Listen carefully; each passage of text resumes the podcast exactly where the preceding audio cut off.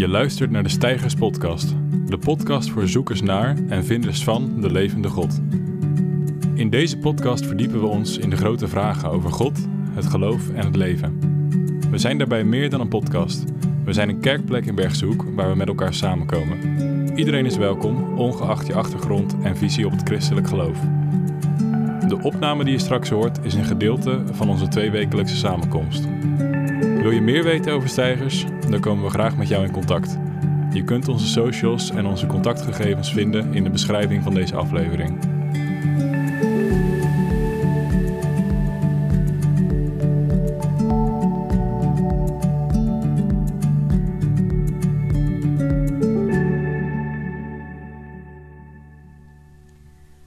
We gaan lezen uit uh, Lucas 10. Er kwam een wetgeleerde die hem op de proef wilde stellen.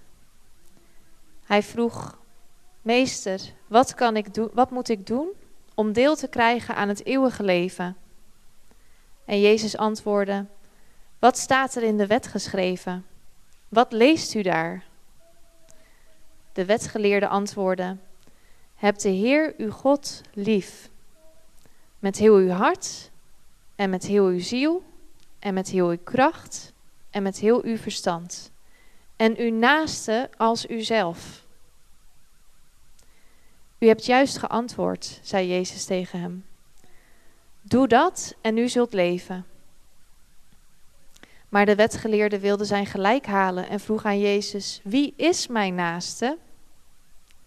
Toen vertelde Jezus hem het volgende. Er was eens iemand die van Jeruzalem naar Jericho reisde.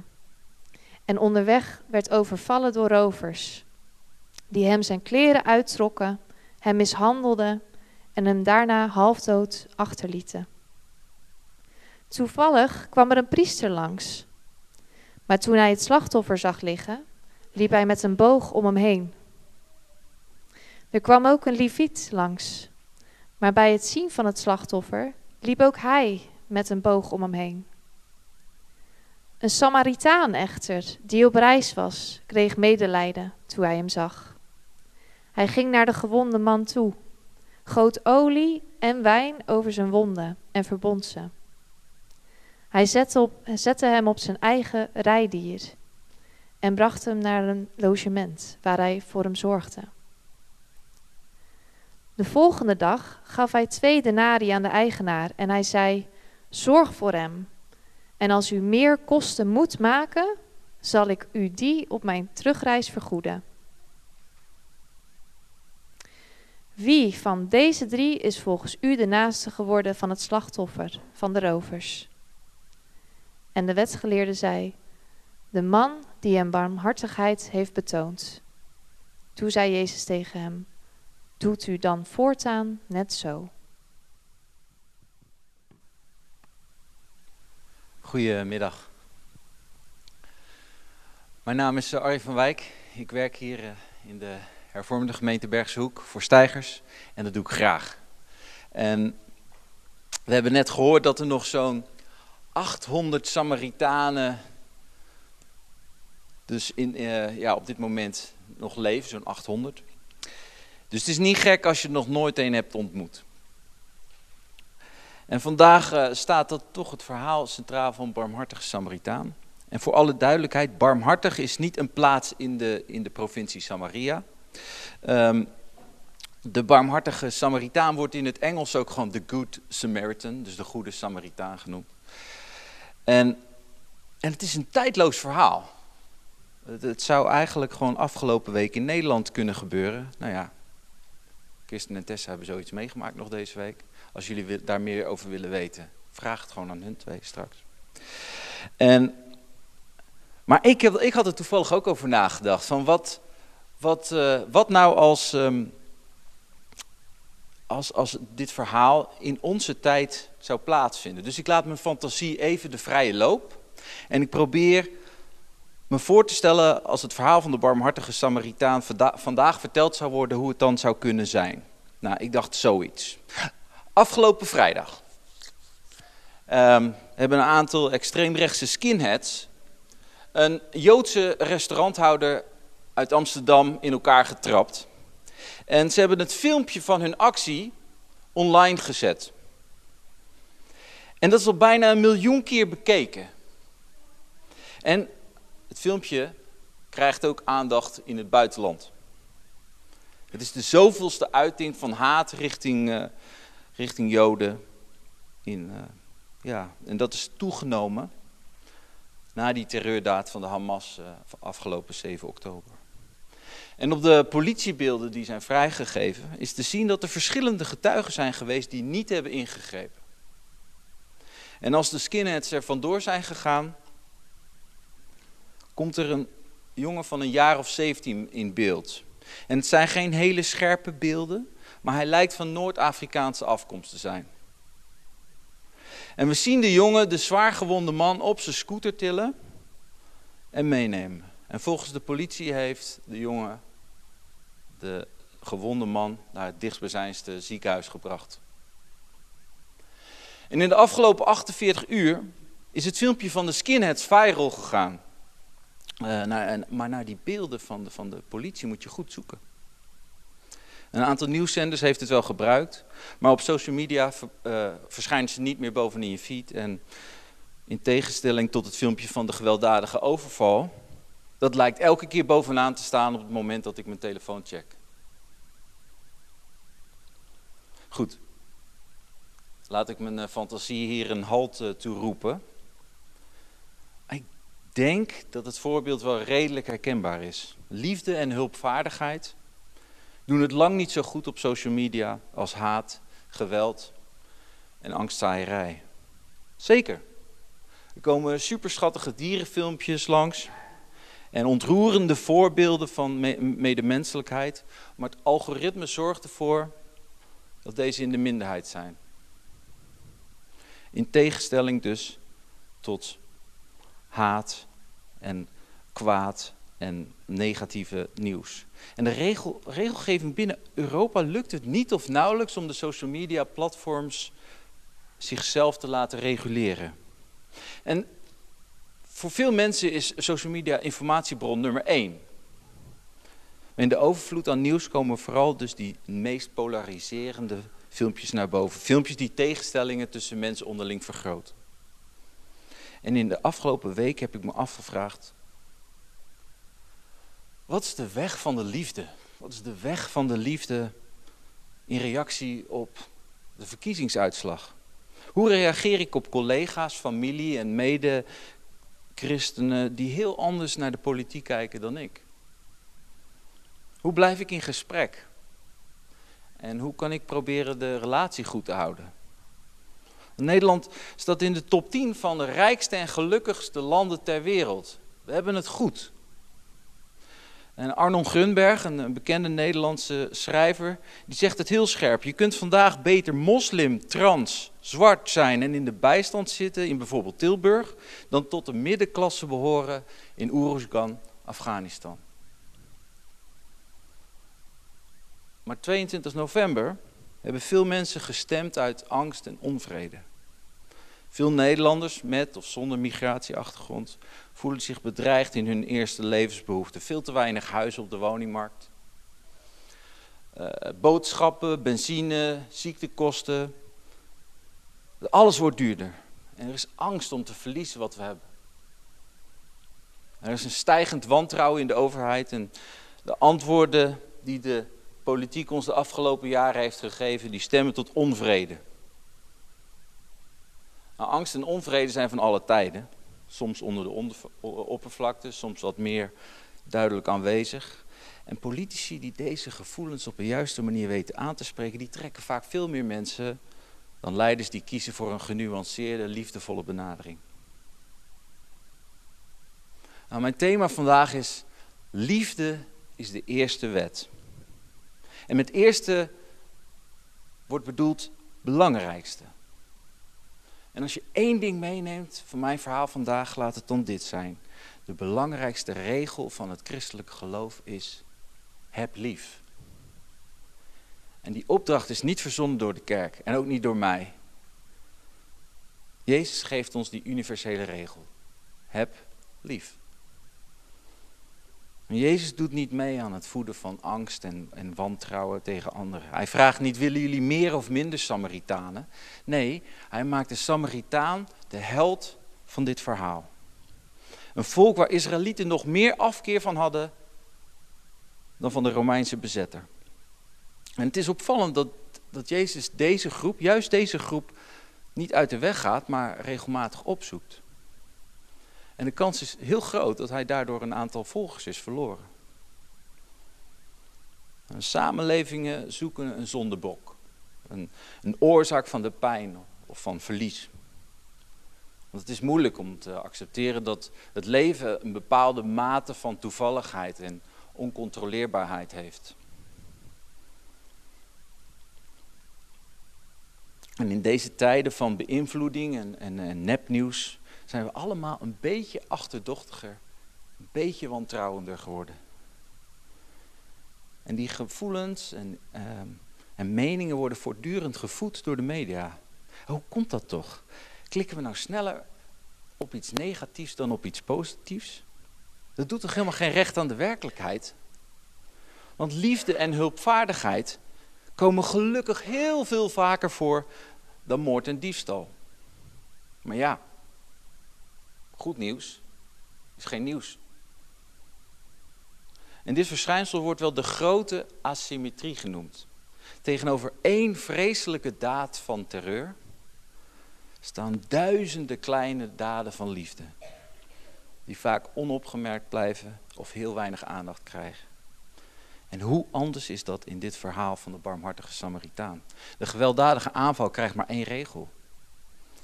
Maar het hoogtepunt van het verhaal is de liefde en de hulpvaardigheid van de Samaritaan. Goed, we gaan even terug naar het begin van dat verhaal. Er komt een wetgeleerde naar Jezus toe met de bedoeling om Jezus uit de tent te lokken. En deze wetgeleerde is hoogwaarschijnlijk een stuk ouder dan de 30-jarige Jezus.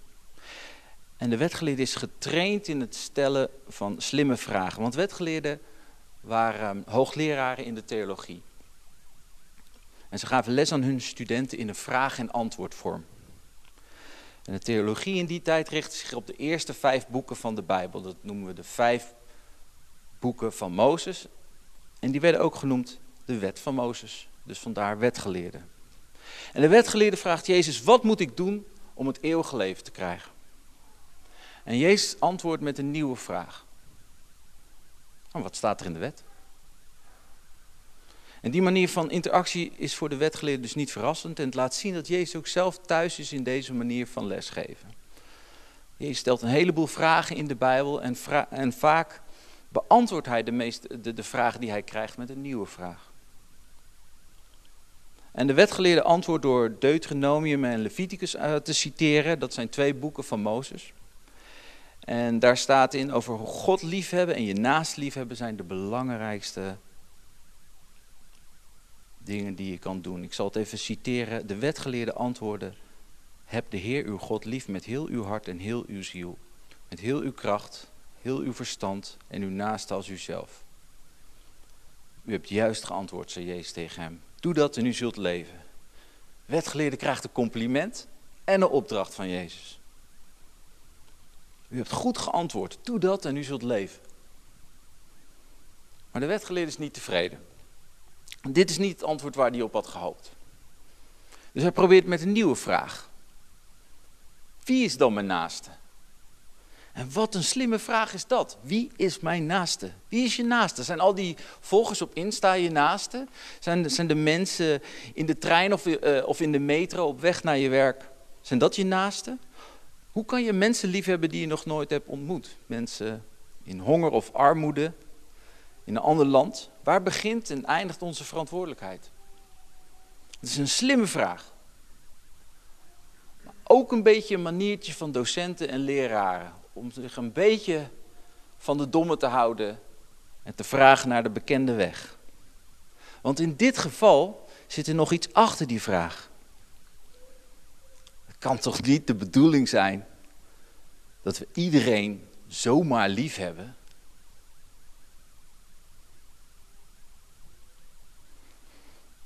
In het verhaal, priester en een leviet, allebei kerkmensen. werkzaam in de tempel in Jeruzalem. Maar beide, men, eh, beide mannen laten zich niet leiden door liefde, maar door eigen belang. Beide mannen weten dat het redden van een leven voorrang heeft boven elke andere wet. Maar ze laten gedrag zien dat de Israëlieten wel herkennen. Met een grote boog om een Samaritaan heen lopen. Alleen, de Samaritaan is hier niet het slachtoffer, maar een hardwerkende medelander op weg naar huis. De Samaritaan is de, is de held van het verhaal. Hij laat liefde zien aan de gewonde persoon die hem als zijn vijand ziet. En de Samaritaan maakt zich er niet vanaf. Hij verzorgt de wonde, brengt de man naar een veilige plek, betaalt voor eten en onderdak. De liefde van de Samaritaan is ontroerend. En zo trekt Jezus dat hele gesprek met de wetgeleerden naar zich toe. En in de, in de ene laatste regel geeft hij de vraag een nieuwe draai. Wie is de naaste van het slachtoffer geworden? Dus niet wie de naaste is, maar wie is het geworden? En de antwoord is duidelijk, maar de wetgeleerde krijgt het niet uit zijn mond. Hij wil het niet uitspreken. Het woord Samaritaan is besmettelijk. Dus hoe antwoordt hij de vraag van Jezus? De naaste is de man die medelijden met hem heeft getoond. De man die. Jongen. Die wetgeleerde kan het woord Samaritaan niet eens zeggen. Zo diep zit zijn haat. Hij kan het niet uitspreken, hij wil het niet uitspreken. Heb lief. Liefde is de eerste wet, de regel waar we ons massaal niet aan houden. Kijk, niet stelen, niet moorden, niet vloeken, dat is duidelijk. Hè? Dat lukt in de meeste gevallen lukt dat nog wel. Gelukkig, maar het voelt goed. Maar wat is jouw reactie als er een moskee, een asielzoekerscentrum of een TBS-kliniek in jouw wijk wordt gepland? In jouw achtertuin? Wat is dan de weg van de liefde? Hoe kunnen we in de kerk en in ons leven oefenen in het worden van naaste voor anderen? En daarom is bijvoorbeeld een collecte zo'n zo'n belangrijk onderdeel van kerk zijn. Delen van wat je hebt. We zijn niet alleen op de wereld. We zijn allemaal iemands naaste. En daarom is het goed om te beseffen dat wij allemaal niet alleen barmhartige Samaritanen zijn, maar net zo goed hulp nodig hebben van anderen. Want de Joden die, de, die dit verhaal van Jezus hoorden, die zullen zich niet hebben geïdentificeerd met de Samaritaan. Ze identificeerden zich met de gewonde man. En ze zouden de Samaritaan als vijand op zich af hebben zien komen en hebben gedacht, nu is het klaar. Nu zal diegene ons vermoorden. Dus zelfs al zou je een Samaritaan, of bijvoorbeeld vandaag uh, de islam zien als volksvijand nummer één, als mogelijke terrorist, dan nog is Jezus heel duidelijk. Heb lief.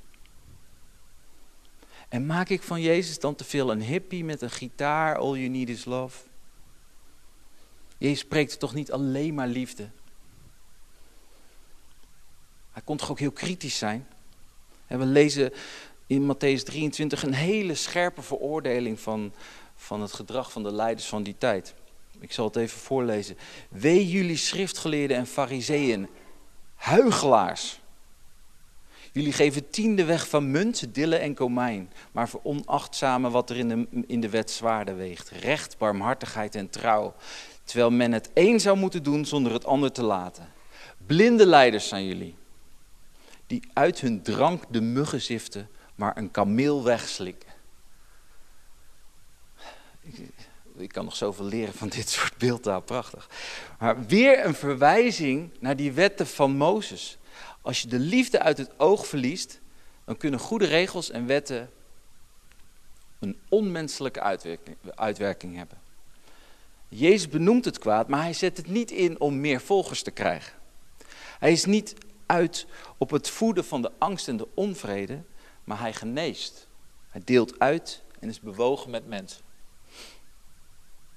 Dus de nadruk van, van Jezus op liefde is geen zwaktebod. Het is niet ontkennen dat het kwaad bestaat.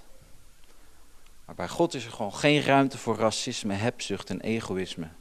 Jezus zelf plaatste de grootste daad van liefde tegenover het kwaad. Liefde kostte Jezus zijn leven.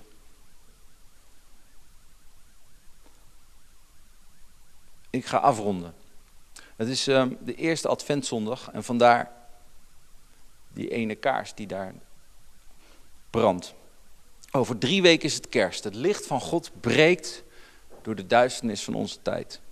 En die enorme daad van Gods liefde inspireert elke seconde van elke dag duizenden kleine daden van liefde.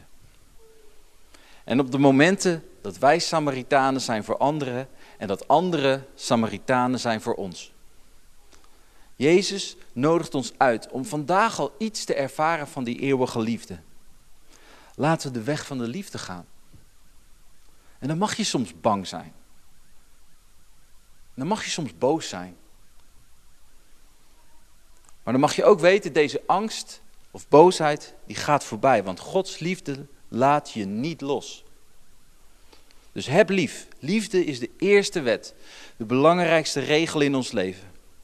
Jezus roept ons op om God, om net zoals God iedereen lief te hebben.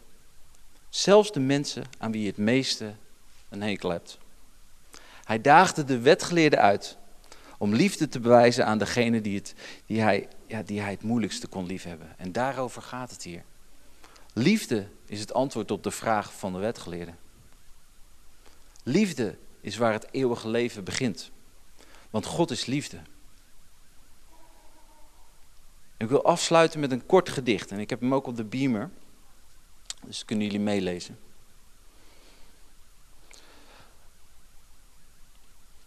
Advent is ook dat de redding niet van jou komt. Ook niet vanuit de hoek waar vandaan je het verwacht. Maar van de vreemdelingen waarvan je altijd dacht dat zij jouw hulp eerder nodig zouden hebben dan jij die van hen. Amen.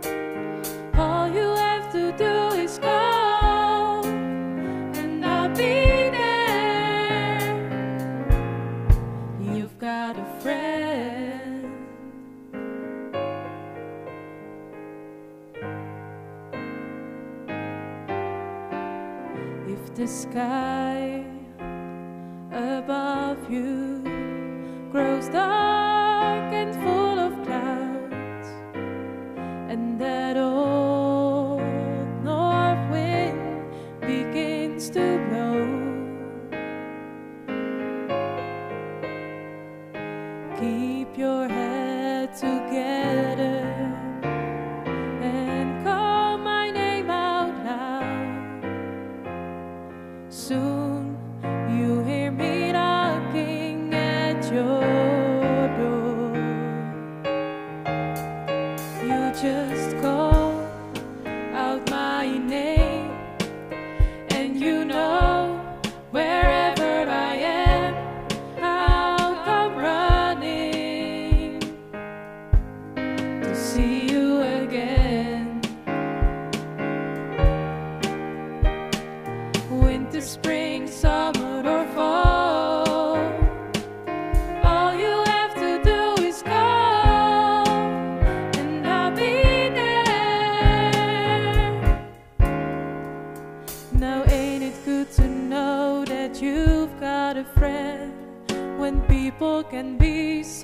Cold? They'll hurt you, yes, and desert you,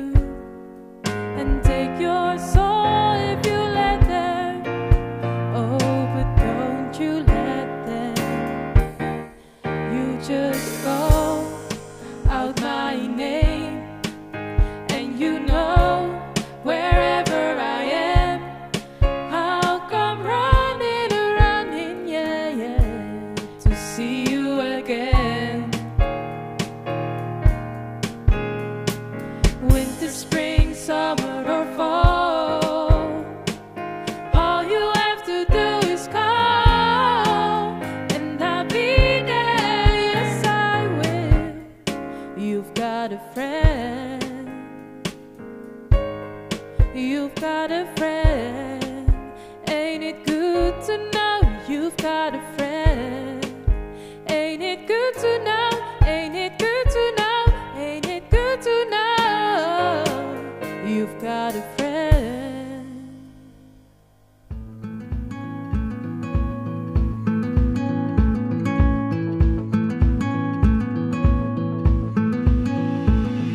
Dit was de podcast voor deze keer. Bedankt voor het luisteren. Vond je de aflevering leuk? Vergeet ons dan niet te volgen op de socials. De link staat in de beschrijving.